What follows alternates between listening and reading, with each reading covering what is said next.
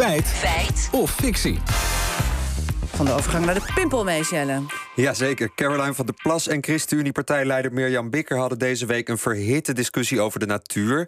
Volgens Bikker moet het stikstofprobleem snel worden opgelost, omdat de natuur hieronder te lijden heeft. En ze gaf een heel pijnlijk voorbeeld. Maar wat aan de hand is als we het uitstellen... nu al zakken de pimpelmeesjes door hun pootjes... vanwege het stikstof, uh, de stikstofoverschot. Oh, een heel, heel naar beeld. Maar dan zakt de pimpelmees inderdaad door de pootjes? Ja, we belden met vogelkenner en ambassadeur van de Vogelbescherming Nederland, Nico de Haan. In onze zoektocht legt hij eerst uit hoe het dieet van de pimpelmees eruit ziet. Een pimpelmees die zoekt zijn voedsel eigenlijk bijna altijd in bomen en struiken. Kleine kevertjes die, en kleine torretjes en kleine slakjes. Dus hij, hij leest als het ware de bladeren van de bomen.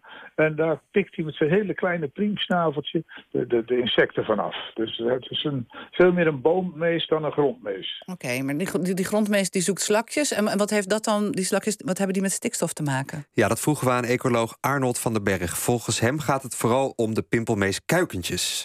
Dus een pimpelmes kuiken moet voldoende calcium binnenkrijgen. En meesten zijn uh, specialisten in dit opzicht uh, in het zoeken van huisjeslakken.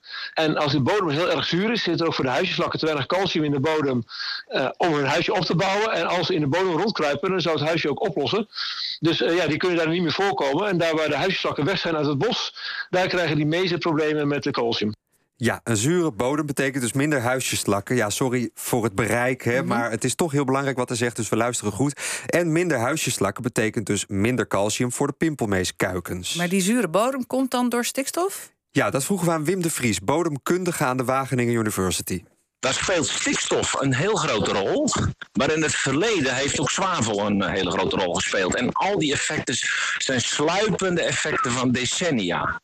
Dus het antwoord is eigenlijk ja. Stikstof speelt daar een rol bij, maar niet de enige rol. Oké, dus een rol bij die slappe pootjes van de pimpelmees, dat stikstof. Maar heeft het ook andere gevolgen?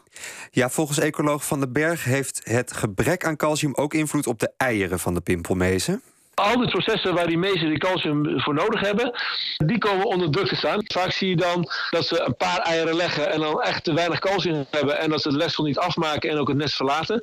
je kan ook zien dat ze eieren maken met een veel te dunne schaal, waardoor de ei-inhoud heel snel uitdroogt. Ja, en eieren die uitdrogen, dat klinkt niet goed. Ach, wat een probleem toch voor de pimpelmees. Uh, gaat hij uh, dan straks uitsterven, denk je? Dat lijkt wel mee te vallen. Sovon, een onderzoeksorganisatie naar vogels in Nederland... houdt de populatie van de pimpelmees bij en ziet daarin weinig verandering. Nou, als we kijken naar de aantallen van de pimpelmees... dan zien we eigenlijk geen verandering. Sterker nog, in de afgelopen uh, jaren neemt de pimpelmees uh, nog steeds toe als broedvogel in Nederland. Uh, en dat is eigenlijk al sinds sinds de jaren 90 van de vorige eeuw is dat zo. Als stikstof een probleem heeft voor het bloedsucces of voor de aantallen van de pimpelmezen, dan zien we dat in ieder geval niet terug in de populatie. Oké, okay. pimpelmezen die door hun poten zakken door een stikstofoverschot, is dat nou feit of fictie? Nou, mede door stikstof is de grond verzuurd geraakt en daar heeft de natuur onder te lijden ook jonge pimpelmezen, want zij kunnen minder calciumrijke slakjes eten. Het is dus een feit. Maar één schrale troost. Vogelspotters hoeven voorlopig niet bang te zijn dat ze de pimpelmees strakjes niet meer gaan zien. Er zijn nog heel veel pimpelmezen, nog net zoveel als in de jaren 90. Maar wel wat wiebelig op de pootjes. Helene, wat gebeurt er